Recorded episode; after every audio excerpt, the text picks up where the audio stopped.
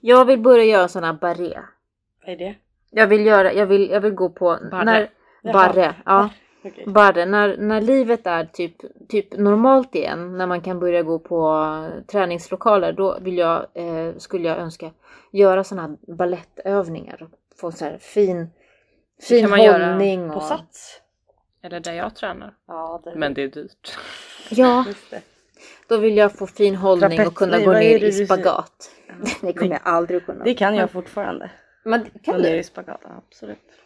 Fan vad coolt. Det är Åh, mitt vi hade varit... Nu känner jag att åldern börjar komma in för det jag gjorde det sist. Då fick jag ändå lite ont fast jag visade inte det för någon för att jag bara va?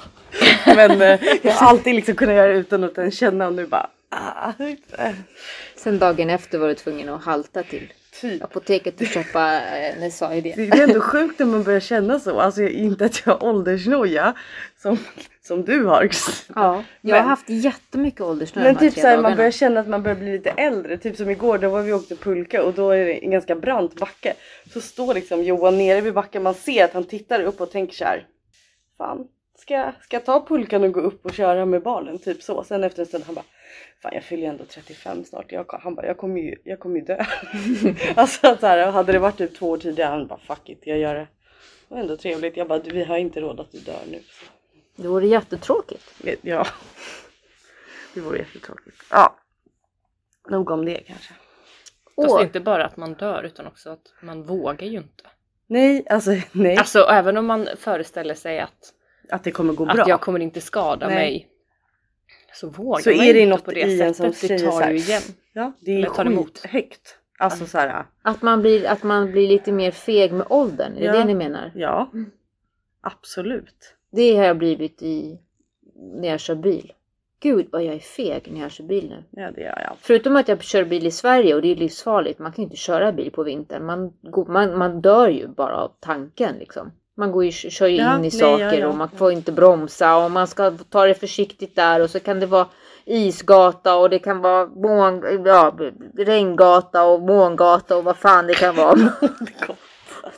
Allt är ju jättefarligt hela tiden. Jag tänker ändå att du, du eh, vet jämför med att köra bil i Italien där jag känner såhär oh wow det hade Nej, men, inte jag och det är gjort. det som är grejen, det måste vara åldern. För att jag tog faktiskt, ja, att kunna ta, jag, jag åkt, åkt på en av de mest obehagliga tun, eh, motorvägarna som finns liksom på så här serpentinvägar mitt med tunnlar och långtradare och jag körde så här obrydd. Men då var jag ju också tio år yngre, kan vara därför. Det är typ som när jag var tågluffare med en kompis när jag, vi hade båda precis tagit körkortet. Alltså precis, vi snackar Fri som två två fåglar månader liksom. innan kanske.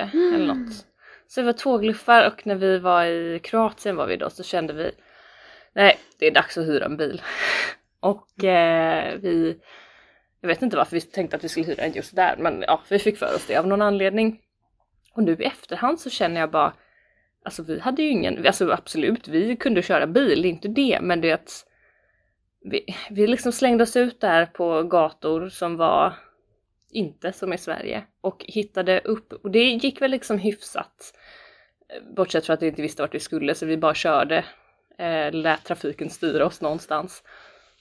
Men sen så kom vi liksom upp i bergen, det är ju väldigt mycket berg där och då var det ju verkligen sån här kringelkrokvägar Mm. där du verkligen kör liksom Ja det känns i alla fall som att du kör liksom längs med bergväggen typ i princip.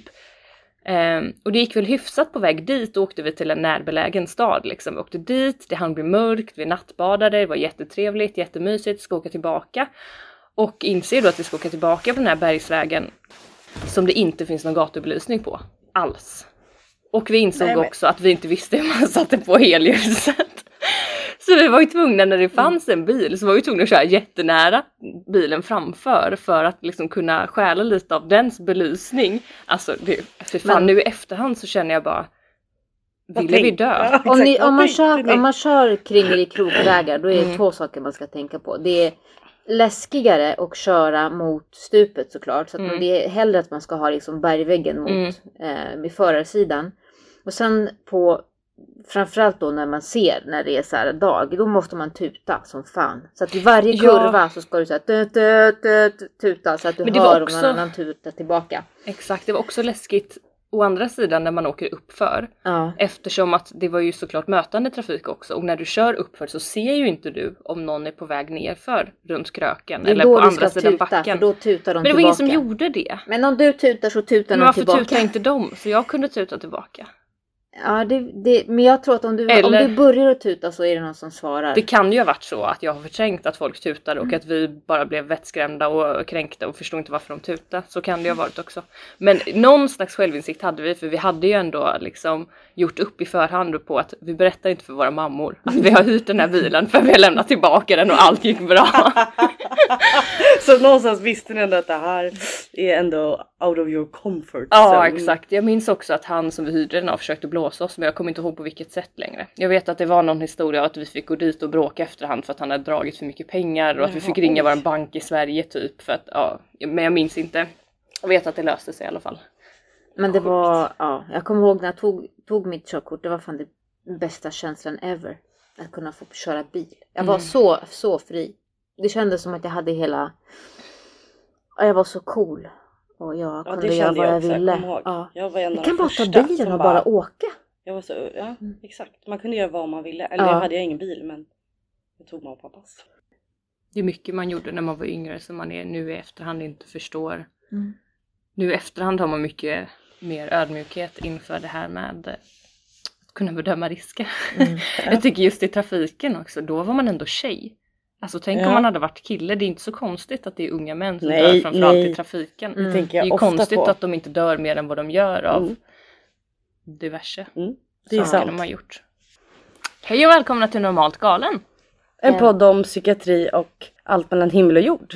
Och jag är Kristina. Och jag heter Emma. Och jag heter Rebecka. Välkommen till vårt femte avsnitt Mm. blir det va? Eller hur? Det känns skitkul att sitta här och spela in nu för nu har vi inte gjort det på, vad blir det, typ en månad? Mm. Ja, Vi det, släppte ju senaste avsnittet, ja, när det här släpps så kommer ju det vara för två veckor sedan. Men det hade vi ju spelat in typ i september eller något för vi fick inte ihop det att sätta oss eh, till förra avsnittet för det var så mycket där i jul och nyårstider och med jobb och allt vad det var. Eh, så vi fick slänga ut något förinspelat. Men det var ju bra ändå. Det mm. var bra. Men now we're back. We are back. Exakt.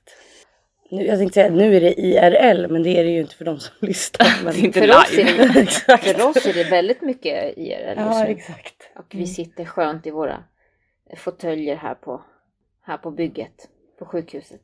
Mm. Hur mår ni idag då? Ni som lyssnar eller, Nej. Ja, det hade vi fått vänta länge på svaret. Skicka DM. Ja, nej Vi men, väntar. ja, men hur, mår, hur, mår, hur mår vi idag? Eh, hur mår vi idag? Okej, bara så här en eh, ögonblickskänsla. Eh, just nu mår jag bra. Jag tycker det är kul att spela in podden och jag tycker det är kul att vara med mina vänner här. Så att jag mår bra. Eh, jag har lite varma fötter och det tycker jag inte om. Jag hatar att ha varma fötter och eh, jag hatar att ha varma fötter när jag jobbar. Så att nu ska jag nog ta av mig mina skor. Jag tänkte precis det. Ja det är det första jag gjorde. Typ, Ja, ja. Ta av mig skorna. Det ska jag göra. Och eh, ja, jag får igång fullt ös hela dagen. Jag har jobbat mycket idag på avdelningen. Vi har ju lite annorlunda förutsättningar just nu kan vi säga på Mm. vår avdelning. Vilket vi ska komma till och det är ju det vi ska prata om också Mm. i vår dagens podd, dagens avsnitt. Precis. Hur mår du Emma? Eh, jo men jag mår också bra. Jag eh, kom också, jag har också jobbat så att jag eh, kommer från att vara lite lite mycket i huvudet typ. Eller mycket tankar och frågor och så. Irritationsmoment kanske och sådär. Men eh, nu mår jag bra. Jag tycker också att det här är roligt. Jag har saknat det här. Mm. Och sitta så här. Ja, då har du varit irriterad Emma? Nej men inte, inte irriterad på någon jag På har jobbat med. Nej, Nej, inte på dig. För att du, du, är, Mm, du, men du är typ aldrig irriterad, Oj. verkar det som. Du är Nej, det alltid här verkar kanske som det men jag eh, är smått irriterad på vissa saker. Men det kan vi inte gå in på här. Inte än i alla fall. Hur mår du Rebecka? Men jag eh, mår nog, eh, jag mår bra faktiskt. Eh, det där med att vara irriterad på vissa saker i hur situationen är just nu. Det är ju under den här perioden liksom kroniskt. Ja. Men nu, jag har, är ju ledig den här helgen. Eh, så jag har fått vila lite. Jag har haft tenta i slutet på förra veckan Just. eftersom jag, eh, ni som lyssnar de flesta kanske kommer ihåg att jag håller på att plugga min specialistutbildning. Eh, så jag hade tenta i slutet på förra veckan och hade också några inlämningsuppgifter för att avsluta den här terminen. Så det känns skönt att det är klart. Ehm, Så nu Ja. börjar du din, är det tredje termin? ja, Det är ju bra. Fan fort det gått ändå. Ja, jag Ett vet, det år, shit. Jag har tagit av mig skorna nu också, by the way. Mm. Så att ni kommer att lära, ni kommer att känna det tur snart. att det inte är luktpodd. Ja exakt. I framtiden. I framtiden. Vi lovar om vi ska ha livepodd någon gång då kommer vi behålla skorna på. Ja. Tänk att kunna ha en live på en podd där man även kan känna lukten. Ja, jag av tänkte precis säga det. Godiset man snäck. Ja. framtiden man kan liksom... eh, Fast då vill man ju kunna välja vilka sinnen. Jag tänkte precis, Man vill- inte alla dofter Nej. kanske. Exakt.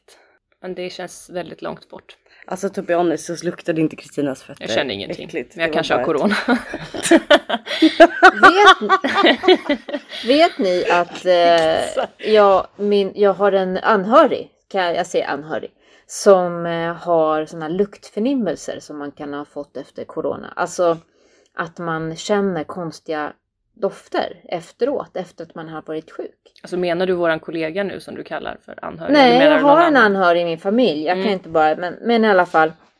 Mhm. Och eh, han, tu, tur, turen är att han känner inte obehagliga lukter. Det är inte så att han känner så här bränt gummi eller bränt eller, eller inte vet jag, vad är det mer? Eh, Brandrök, Viss- cigarettrök är det Ja. många som känner. vissa har också känt så här lukten av eh, rutten frukt. Mm. Men han känner så här stark lavendeldoft. Oj, Så här random. gud Gud, vad otippat. ändå. Han gick in på en, in, innan när det var lugnare, eh, mitt, jag tror att någon gång, någon gång i somras, eh, när man kunde fortfarande vistas ute under liksom i mer ja, lugna former så, så hade han gått in på en krog och då möttes han liksom av en vägg av lavendel och citrondoft. Så här.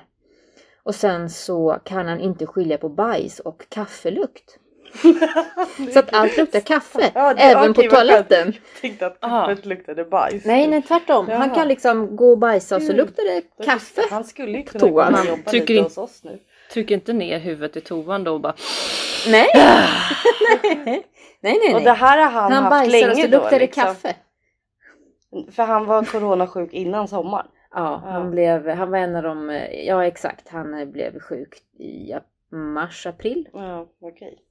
Gud vad sjukt. Ja. En grej till vill jag ju säga som är rolig. Eh, Bara en grej till som en grej, sen är det slut på det roliga. Ja, Så det behövs. Eh, vad fan var det? Jo! Vi har ju blivit intervjuade av tidningen Psyke. Mm. Och det är ju då en tidning eh, för um, specialistsjuksköterskor i psykiatri, alltså den, vad är det, Riks, Riksföreningen Mm. för? Ja. Så den kommer förhoppningsvis släppas ut någon gång i februari. Det är ett Mm. tag kvar men ni får hålla utkik. Det är jävligt kul. Absolut, det tycker jag ändå var ett första stort steg. Mm. Plus att vi har fått ändå rätt mycket, eller men liksom DM så av folk som vi inte känner. Mm. Så det är ju också väldigt roligt. Men ni får gärna skicka fler. Sen har en av mina lärare på min eh, högskola som jag utbildade mig som specialist likat en sak också. Just på Facebook. Ja. Det går bra nöjd. nu, hörni. Det går bra nu. Okej, men vi kanske ska börja närma oss dagens Mm. eh, ämne. Jag vill bara först då, på tal om det, påminna om att vi har ett Instagramkonto Mm. eh, som heter normalt galen understreck podcast. Vi har också en Facebookgrupp men vi har en, den har liksom inte kommit igång ännu. Men det kommer komma grejer där så att man är jättevälkommen att eh, gå med i den gruppen också på Facebook som heter normalt galen. Och sen så vill jag också bara påminna om att man trycker på följ på Spotify. Eh, alltså på våran podd så att man får en liten notis när vi släppt ett nytt avsnitt. Om man kanske inte eh, hänger jättemycket på, för vi lägger ju såklart upp på Instagram och så, men om man kanske är någon som inte är så väl uppdaterad där så får man en Spotify notifikation. Ja, ja, det är ju kul tycker jag när folk taggar oss när de lyssnar på podden. Mm. Vad de gör. Det var ju någon som hade taggat att de städade och hade det på och liksom så. Och då, Var det? Det har jag Ja. missat. Va? Är det sant? Ja. Ja. Får, Eh, jag, Till exempel. Det är kul att se. får jag ta en godis? Okej. Mm. Hon fick en egen lakritspåse. Så Lakrits. kommer hon här och snyltar. Men ja, du, kan ta, du kan få en. Tack. Varsågod. Mm. Men Mm, när Kristina nu tuggar på den här godisen så Mm. kanske vi också ska komma in på då vad vi...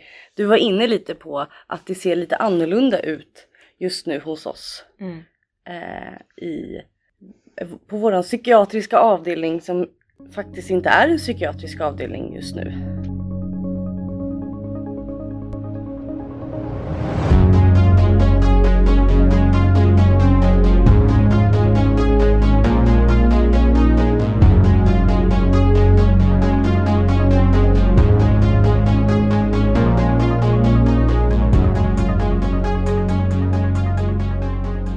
Nej, vi bedriver det som man kallar för geriatrisk vård just nu. Och det är?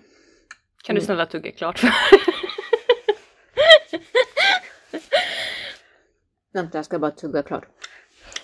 Vi bedriver em, vård av äldre.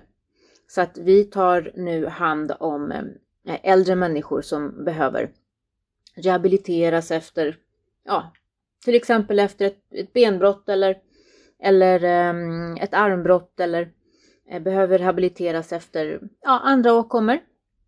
Ehm, Så helt annorlunda från det vi egentligen brukar syssla med. Mm. att vi har da, ja, dammat av våra gamla kunskap om somatisk vård och Gamla. gamla... Ny, Hur ska det gå? Ja, men lite ringrostig känner jag mig i alla fall. Men eh, det har gått förvånansvärt bra. Alltså, nu har det gått tre veckor va?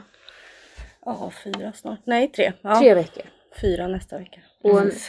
Och nu efter tre veckor så känns det ändå att jag känner mig lite mer bekväm. Så. I din egen I min roll. egen liksom. roll som Mm, sjuksköterska som ska ta hand om somatiska, alltså kroppsliga åkommor och tänka liksom Ja men det är också ett helt annat Lite tänk, annorlunda, tänker mm. jag. Alltså att vi från att vi har låsta dörrar överallt och ingen handsprit så långt ögat når förutom på personalutrymmen till att man måste ha tillhandahålla det överallt eller Mm. Alltså det är väldigt mycket eh, basal omvårdnad. Då tänker jag mer att det är mycket att de behöver hjälp på toaletten, duscha, eh, kanske vända sig i sängen. Det är vi ju inte riktigt vana vid. Så. Det är och väl, ehm, för många kanske det är säger sig själv varför vi har det så här just nu men Ja. kanske ändå bara Ja, ska förklara, förtydliga hur det kommer sig. Eh, att vi har fått ställa om då till en helt annan typ av vård. Och det är ju såklart som allt annat just nu relaterat till covid-19 Corona, våg två i corona 2.0. har gjort att vi... Och det var ju vissa ehm, som fick göra det redan i våras vet jag. Mm.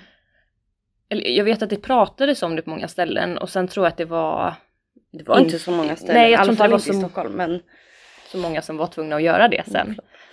Ehm, men nu så har det ju blivit mer i alla fall och då är våran avdelning en av dem. För att helt enkelt avlasta den vanliga geriatriken som är mer eh, ja, har ett högt tryck mm, helt enkelt. det är väldigt många som är så att säga vanligt sjuka kan man säga så och covid-sjuka. Och då behöver vi ta hand om dem som till exempel eh, ska stanna kvar på sjukhus för att de ska vårdplaneras.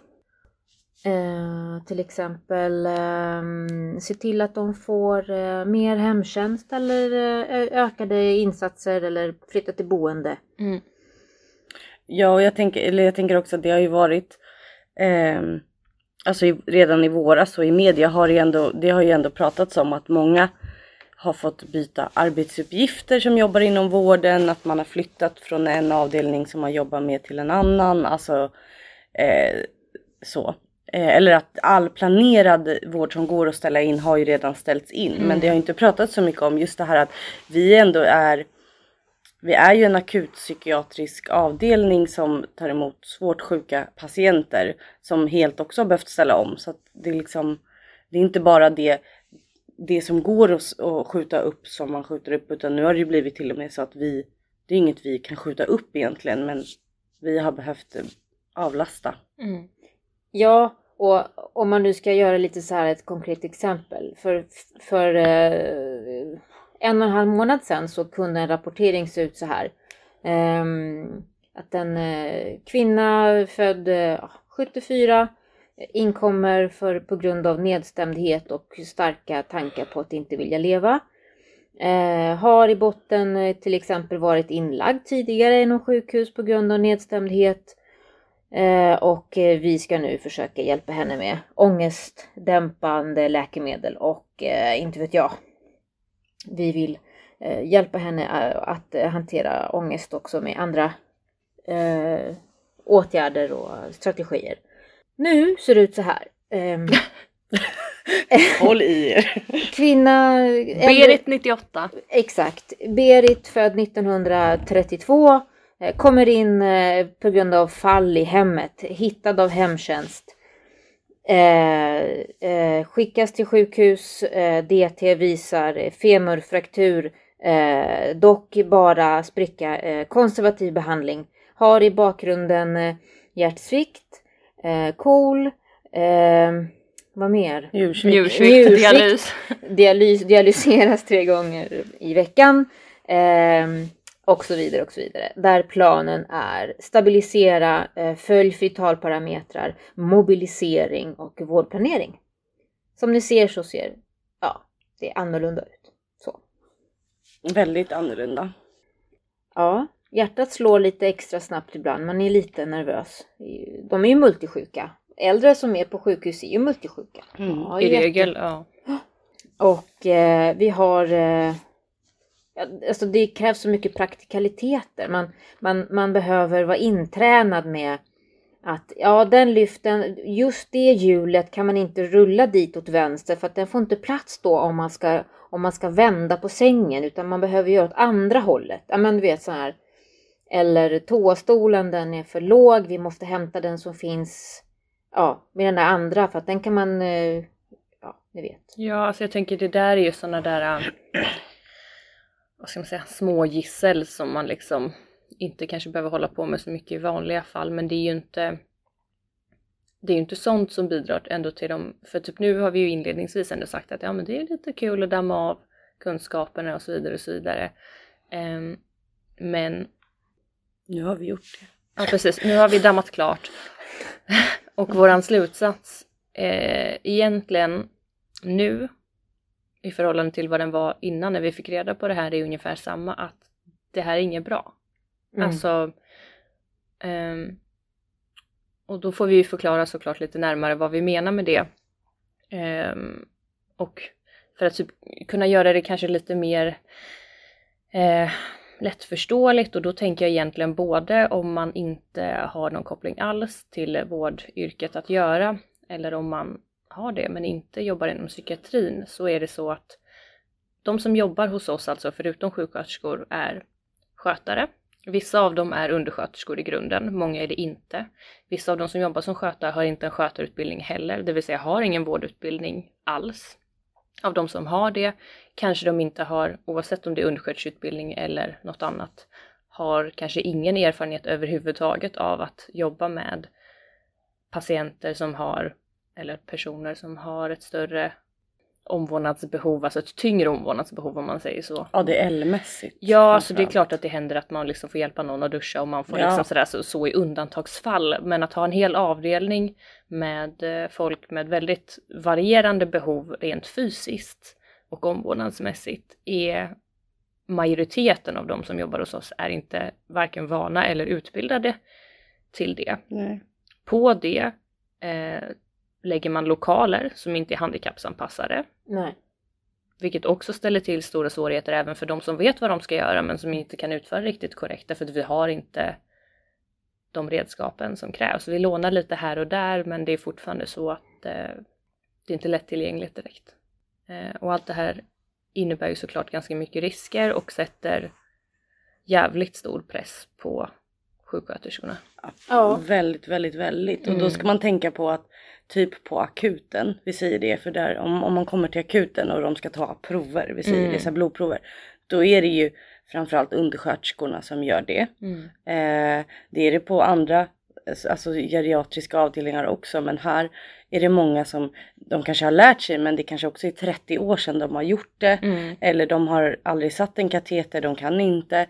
Eh, så att det här medicintekniska som man kanske får hjälp med som, som sjuksköterska på en somatisk Mm. avdelning. Det har inte de lärt sig och då är det förståeligt att de inte kan. Och Mm. då bara det ger ju ganska mycket om man ska ta 10 blodprover innan klockan åtta på morgonen samtidigt som man ska dela mediciner och medicinlistorna ser ut som historieböcker. Alltså det är liksom, det tär rätt mycket. Och då har vi ändå bemannat upp, alltså så här, vi har ju dubblat våran bemanning i princip. Mm. Eh, Och ändå är det för lite och ändå är det för lite egentligen. Man hamnar ju som sjuksköterska i den sitsen att man känner sig ansvarig för att förklara för ens medarbetare och ens undersköterskor i det här läget för, man- för förklara vikten hela tiden med varför man ska ta ett blodtryck och varför det är viktigt att ni kommer till mig och, och, och berättar vad, hur blodtrycket är. Vad är avvikande parametrar? Det är ju vad är det när det är farligt att ha ett lågt blodtryck? När är det farligt när det är för högt blodtryck? Eh, Mm. Kom ihåg att ta blodsockerna varje gång innan man äter lunch och vikten och varför man behöver ta blodsocker. Det, det känns, jag, jag är orolig i min yrkesroll för att jag är orolig över att jag inte kan förklara tillräckligt väl för mina liksom, kollegor, sköt, undersköterskekollegor. Och för att man inte kan klona sig. Man kan inte klona sig och, och Nej. och de gör ett fantastiskt jobb. Jag är så stolt över att jag har mina undersköterskor under mig och vi gör ett jättebra arbete men, men vi är ju människor och vi är vi bäst på det vi, vi är bäst på. Vi är Mm. bäst på psykiatri. Jo, man har ju valt att arbeta Ja. någonstans av en anledning. Mm. Och rent krasst så är det så, för det, jag håller med dig, alla vill verkligen väl, alla kämpar på absolut. som Ja. fan. Men det är ändå rent krasst så att många som jobbar hos oss nu, det är liksom ni som lyssnar som har någon granne, någon kollega, någon vän, någon, det hade lika gärna kunnat vara de i princip som hade skickat in till oss just nu och ta hand om de här gamla. Så är det faktiskt, det låter kanske som att jag överdriver men det är faktiskt så det är. Ehm, Jo men för att man inte har fått den utbildningen. Alltså Ja. det handlar ju mer om det och att vi... ja men det är ju det jag menar. Ja men exakt, jag, alltså jag, och att man inte har, det är inte så att eh, som som Kristina eller som ni säger, vi har ju valt att jobba med psykiatri för Mm. att vi är bäst på det. Och det är inte som att vi som sjuksköterskor inte kan de här äh, medicintekniska Mm. grejerna eller att vi inte kan hålla koll men, men vi har Dels blir det svårt om man inte riktigt har den backningen och att man blir också osäker i att man håller jag koll på allt jag ska hålla koll på? Alltså vi är inte heller vana, vi har inte heller de systemen, datasystemen som, de, som det finns på alltså vanliga somatiska avdelningar som gör det lättillgängligt med kontakter utanför sjukhuset och allt sånt tar ju också väldigt mycket mer tid. Mm. Och eh, eh, så. Men jag tycker absolut att vi har gjort det bästa vi kan av situationen och det eh, får vi också, det som är extremt intressant det är ju att vi har ju väldigt tacksam patientgrupp. Mm. De är väldigt tacksamma för allt vi gör. Så, det är, Mm. kanske vi inte heller är riktigt vana vid som jobbar inom psykat. Nej, och sen så är det ju kul på många sätt att jobba med äldre. Det är ju inte det det handlar om. Nej.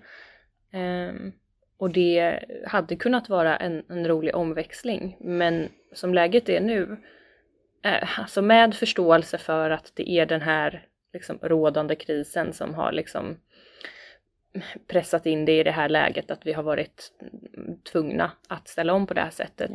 Ehm, så liksom under andra omständigheter så hade det kunnat vara kul. Jag tycker om att jobba med äldre och jag tycker att det hade kunnat vara en kul omväxling liksom det här med lite mer somatik och med alltså så här, för, för jag tycker ju också att sånt är roligt.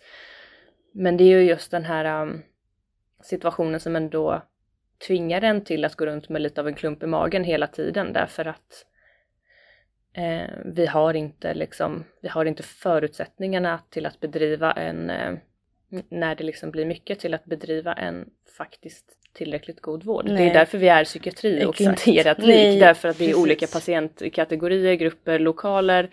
liksom kunskapsmässigt alltid anpassad för att bedriva psykiatrisk vård och inte geriatrisk vård. Ja. Ehm, Till exempel en annan sak praktiskt alltså. Vi har inga luftuttag eller syrgasuttag i våra salar. Vi Mm. har inga eluttag. Vi har två eluttag som kan kopplas till bara en säng. Så att vi, Mm. ja, vi har liksom... Ja det är så små grejer som man kanske inte tänker på i början som man också så här, oj men gud det är ju ett jättestort problem Mm. faktiskt. Eller, eller så och att det här gick ju eh, det var inte, det här gick ju väldigt fort. fick ingen tid Det på var oss ju liksom förbereda. från eh, ett dygn till ett annat. Typ. Så att det, vi har haft fullt upp Mm. hela jul och nyår. Apropå Mm. att vi inte har hunnit spela in heller. Att vi har jobbat jätte, jättemycket. Eh, verkligen. Så det är ju liksom, någonstans där så är jag ju också glad och det känns meningsfullt att jag, att, att, att jag som sjuksköterska här på den, den här avdelningen jag jobbar på kan bidra liksom i, i, i pandemin som råder och att jag kan göra en insats. Och jag tänker att vi alla någonstans där känner så. Och det är också där vi, därför vi, vi verkligen gör vårt bästa och anpassar oss så mycket vi kan. Men det är ju en extremt udda situation och Mm ja, Ja och sen jag tänker som vi, alltså nu absolut, nu har man ju sett till exempel det här med men, att i Stockholm så är det ju de, här, de äldre som får eh, långa sjukhusvistelser av corona vilket har gjort att de ökar i antalet än vad de kanske brukar och så. Men jag tänker också ibland att så här okej, eh, för det säger de ju liksom, vi har ju fått tillbaka att så här, ni gör ett bra jobb, det här går jättebra hit och dit och det är också lite läskigt tycker jag. Alltså inte så att vi ska göra ett dåligt jobb, jag menar inte så men, men så här, vad får det för konsekvenser nästa gång? Mm. Eh, räcker det med att någon avdelning typ vill, ja men vi, vi ska spara pengar här så då stänger vi den avdelningen några veckor och då får vi gå, vi har ju gjort det här förut så Mm. då gör vi det igen. Alltså eh, li, lite så tycker jag ibland att så här, sjukvården på toppen funkar i att så här, man har inte riktigt koll på att så här, ja de på pappret såg det ut att funka jättebra. Mm. Ja, det var ingen som, vi säger det nu hypotetiskt, det var, så här, det var ingen som dog eller det var ingen som fick en vårdskada relaterat till att de var här. Mm. Eh, så då blev det jättebra. Så att nästa gång eh, det händer något, då kan vi göra samma sak igen. Och så här, jag tror, så är det ju alltid att så här, eh, kraven sänks ju ju eftersom tänker jag. Alltså så här, Mm. från början hade vi också så här, en krav på hur, vilka patienter vi skulle ta. Bara det har ju ruckats på rätt mycket de här Mm. tre veckorna. Och då tänker jag så här, nästa gång, ah, okej men då blev det många influensafall. Mm. Då får vi ta alla höft och, alltså det, det är sånt jag kan tycka är lite läskigt att så här, vad händer nästa gång? Eller hur ofta kommer det här hända? Eller varför finns det inte platser? Varför finns det inte sjukvård? Ja. Alltså varför räcker inte sjukvården till för en sån här grej? Har vi, har vi bantat ner den så mycket under så många år i att oj shit, det går inte, alla går på knäna. Alltså det ser man ju på krisavtalen när de jobbar 12 timmar. För det finns inte personal heller att ens tillhandahålla för att jobba normala arbetstider även om det är en kris. ja. Liksom hela den snurren. För jag kan känna lite att, precis som du säger, att det är alltid närmare att gå från 1 till 2 än att gå från 0 till 1. Ja. Och nu har man gjort det här. Och någonstans så är det ändå så när man tittar nu typ så här där exempelvis Stockholms sjukvårdsuppror och sådär som är liksom aktuellt nu och så. Mm. Så är det ju många som vittnar om att absolut, vården är överbelastad. Men den var det den här tiden förra året också. Mm. Det var stabslägen på Stockholms akutsjukhus då också. Och det var innan corona. Eh, så att på något sätt så är det ändå, det talar ändå liksom för en, som du säger, en sjukvård eh, som är väldigt nedbantad. Ja. Och att det faktiskt inte bara beror på corona. Just nu så är det det det handlar om precis Ja. i den här situationen är det nu. Men vad är det som gör nästa gång? Eftersom att våran sjukvård, det är inte som att de nu, åh, nu ska vi fortsätta liksom så här permanent utöka våra IVA-platser och våra geriatriska platser och bla bla bla för att vi ska hamna i den här sitsen igen Nej eh, något annat år när det är någon annan anledning till att sjukvården liksom är överbelastad. Och att det här blir på något sätt en hållbar lösning tycker man som man liksom kan, kan vända sig till.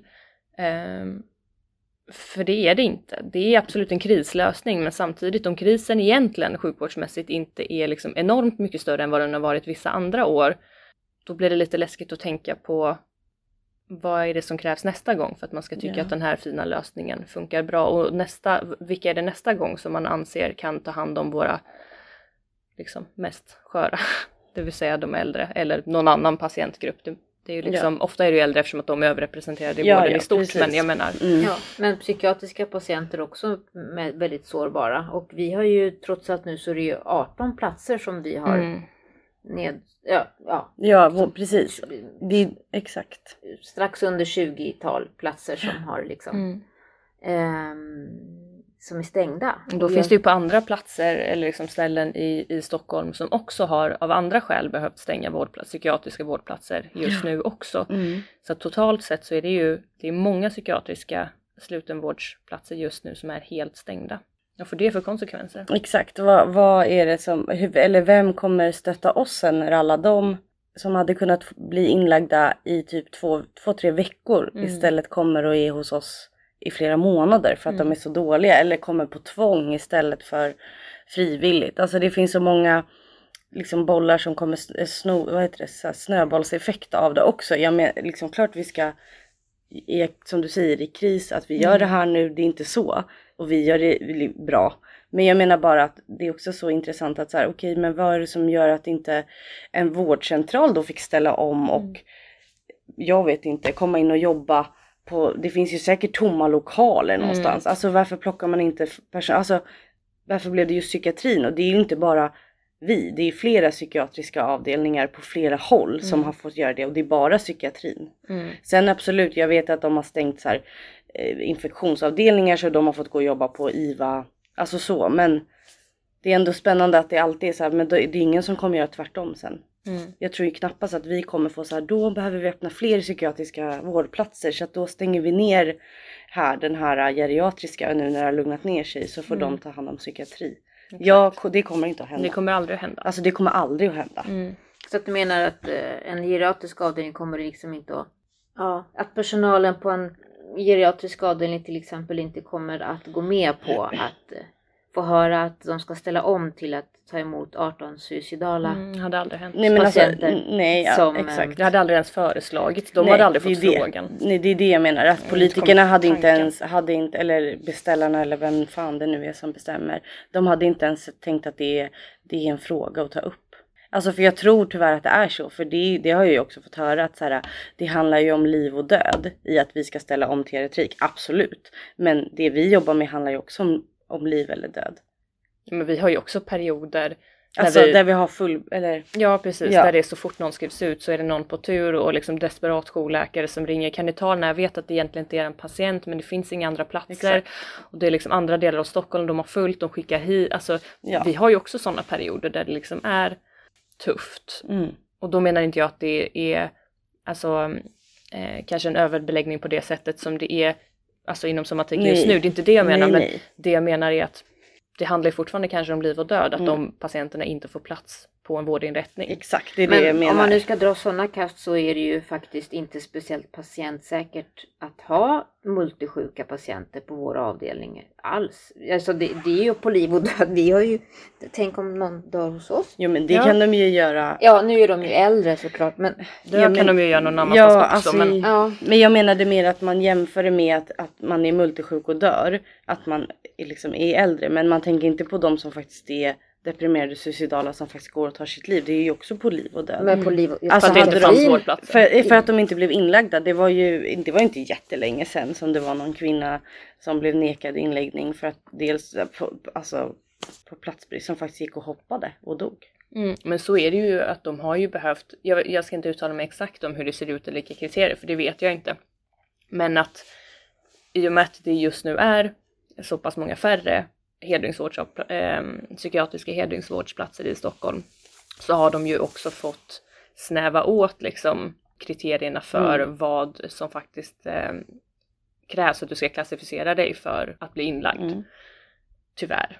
Ja, ja, precis. Eh, helt enkelt som över på alla andra platser i vården just nu att man tvingas prioritera. Så Mm. är det ju liksom. Det är ingen skillnad på om det är på psykakuten Nej. eller om det är på vanliga. Alltså så är det ju. Ehm, men det är ju fortfarande så att i slutändan så blir det ju ändå ett, ehm, en slutgiltig prioritering där också. Mm. Att man faktiskt väljer att, stänga vårdplatser för att det finns andra patienter som behöver plats. Eh, Alltså, eller att, att geriatriken ja. behöver avlastas i det här fallet då. Liksom. Man väljer ändå att plocka ner ett fältsjukhus Mm. som stod redo att ta emot även om det var IVA men de hade väl lika gärna kunnat, då hade ju de kunnat ha geriatriska Ja, det patienter till exempel. Hade väl kunnat vara en jättebra Ja, lösning. att ha dem där istället och då ta in kompetent personal där. Alltså som, och vi hade fått ha våran psykiatriska avdelning där våra faktiskt psykiatriska patienter, för det började vi ändå se nu i höst också att de, de kom ju relatera till corona Ja, ja, ja. Alltså många inläggningar var ju relaterat till att de Mm. var oroliga eller att de var, och vi är allmän psyk. jag Förlorat jobbet. ja, Nej men det viktigaste, det jag är orolig för det är väl snarare vad, hur, psykisk, hur den psykiska ohälsan kommer att utvecklas nu efter pandemin. mm, Vad som kommer att hända. Förutom att de här långtids... Eh, att personer som har haft covid också i efterhand vid återhämtningen har det väldigt tufft att återhämta Mm. sig och liksom kan få psykiska, alltså kan få få ja, men psykiska, inte tillstånd, men de kan tycka att det är tufft och det kan liksom leda till psykisk ohälsa. Mm. Eh, och ehm, ja, som vi har sagt också tidigare avsnitt att pandemin slår ju, slår ju på både psykosociala situationer, på ekonomin, på arbete och, och, och vi har ju sett redan nu att man har ju kontaktat självmordslinjen eh, oftare. Ehm, så att det här kommer ju att utvecklas på ett sätt som inte vi vet, alltså psykisk ohälsa också och vi måste ju bemöta det. Vi behöver ju ta hand om dem då och hur, hur, eh, hur ska det ske? Mm. Om vi bantar ner så mycket, det? vem ska göra det? Mm.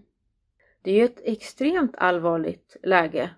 Och det tåls ju upprepa och verkligen belysa. Mm. Eh, inte bara som sagt i, fruktansvärt när vi läser, när jag läser på Stockholms upprop liksom. Mm. Eh, patientosäker, alltså patientsäkerheten som äventyras dagligen och har gjort även sedan tidigare. Absolut, ja. liksom. eh, det är, men, men psykiatrin då?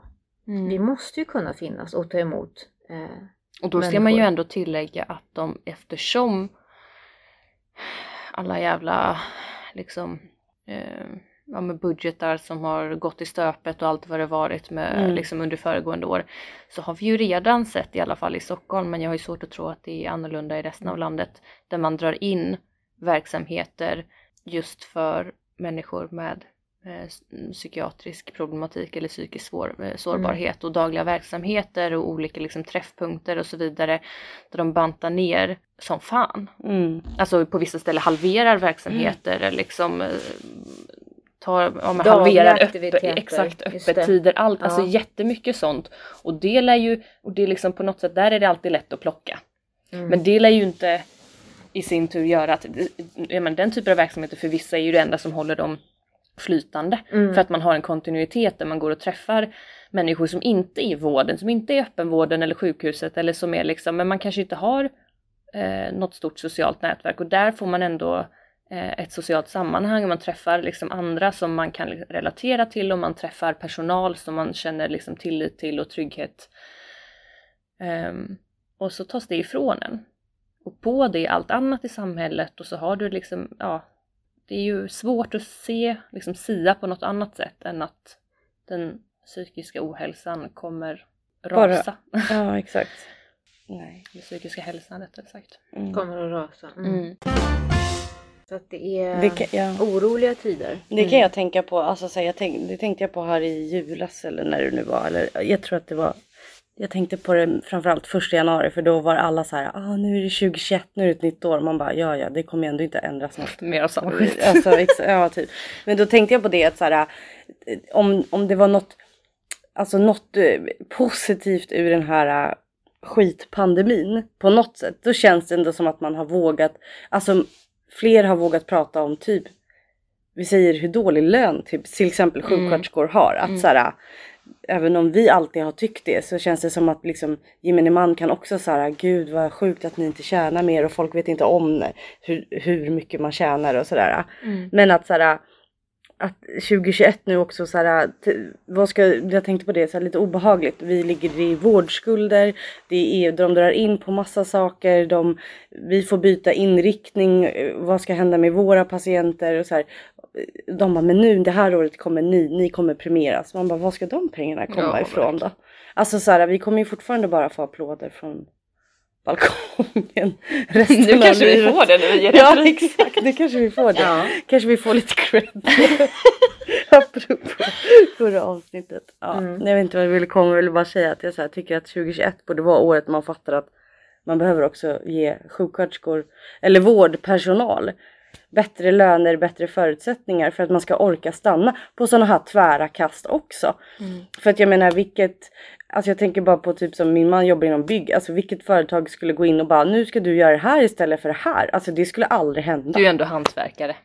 Så Ja precis, ju exakt. Så liksom- du kan ju lika gärna Vi kan ju eh, liksom. Mm. måla istället för att göra det du gör. Men alltså det skulle ju inte hända. Mm, nej, Det är bara in och- typ inom vården där man tänker att så här, det ska vi röra Lite- på oss lite lite. Kul! Nej exakt. Ja, Det nej. är, en, det är ändå en extremt, extremt stor skillnad. Mm. Alltså nu när vi pratar om det, jag, jag slås varje gång så här när vi har pratat om de här senaste timmen. Shit, psykiatri och geriatrik då, som här vården av äldre. Det är, en, det är, som, det är så tvärkast. Mm. Det är verkligen tvärkast. Men om jag ska säga någonting ändå som vi är jävligt bra på. Bara någon. Eh, ja, en sak.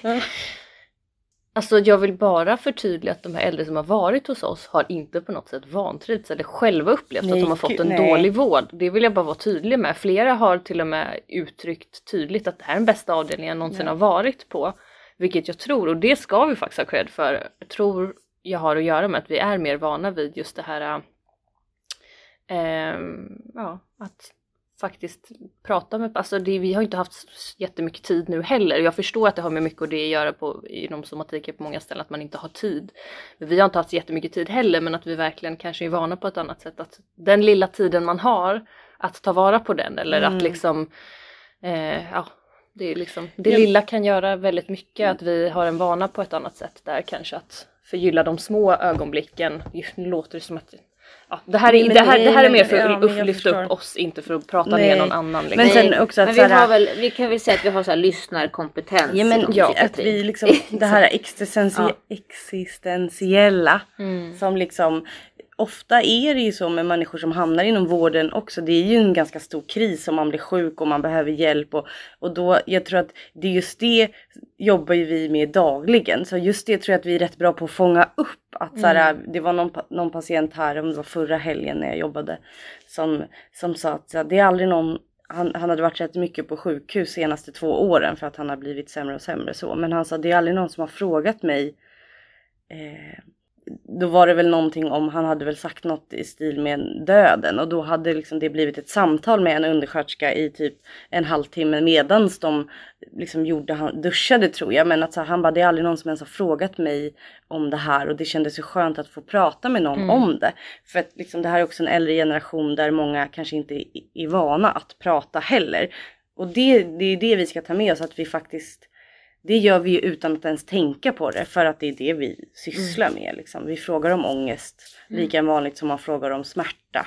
Ja, Och vi vågar göra det som vi brukar säga det här med när vi hade vårt avsnitt om eh, självmord. Att vi vågar sitta kvar på stolen. Eller att man, det är inte, det är inte så, det, den tröskeln är inte så stor för oss att gå över och fråga.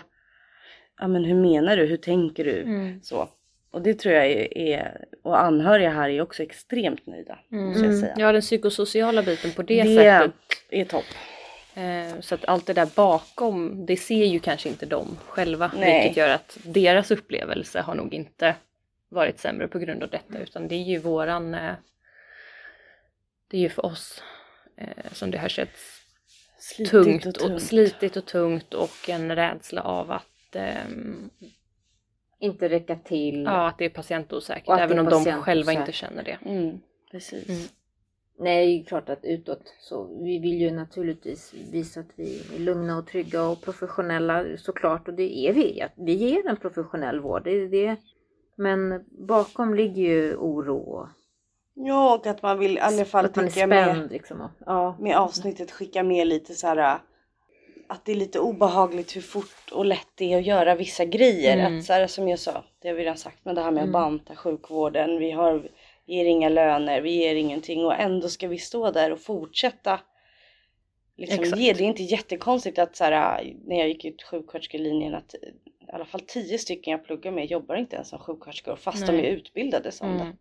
Det säger rätt mycket. Det är inte jättemånga andra utbildningar, högskoleutbildningar där det är så. Mm. Där det ändå finns jobb. Mm. Ja, Skillnad när man är högskola där det, där det, inte, där det liksom är svårt att få jobb. Men det är inte svårt att få jobb som sjuksköterska.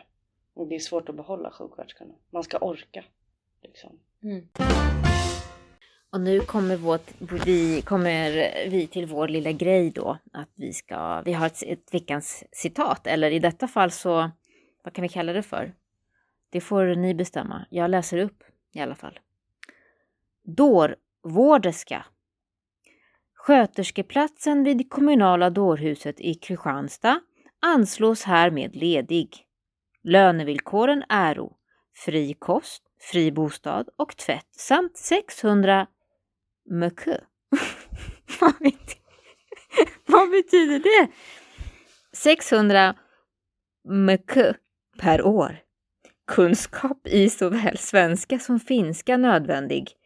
Ansökningarna jämte betyg och prästbetyg sändes före den 24 januari 1911 till Ludvig i Lindström, stadsläkare. Kristians- Kristianstad den 24 december 1910.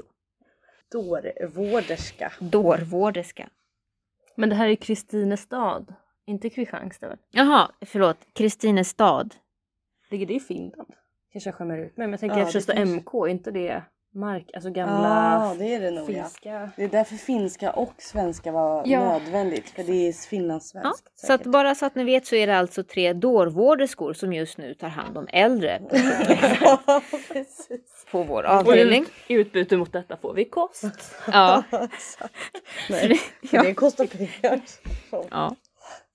Eh, ja, vi kan ju använda tvätten i tvättstugan. Vi kan ju tvätta våra kläder om vi vill i vår tvättstuga. Ja, det här var i alla fall ett litet urklipp då ur Kristinestads någon tidning. Ja, inte Kristianstad utan Kristinestad då. då. Ja. 1910. 1910 Platsbanken. Mm, exakt, det har inte Ja. hänt så mycket sedan dess. Exakt. Nej. Ja, men med det så säger vi tack så mycket för eh, den här gången. Tack så hemskt mycket. Ser fram emot att höra ifrån er på Instagram. Ja. Hej då! Hej då! Ciao!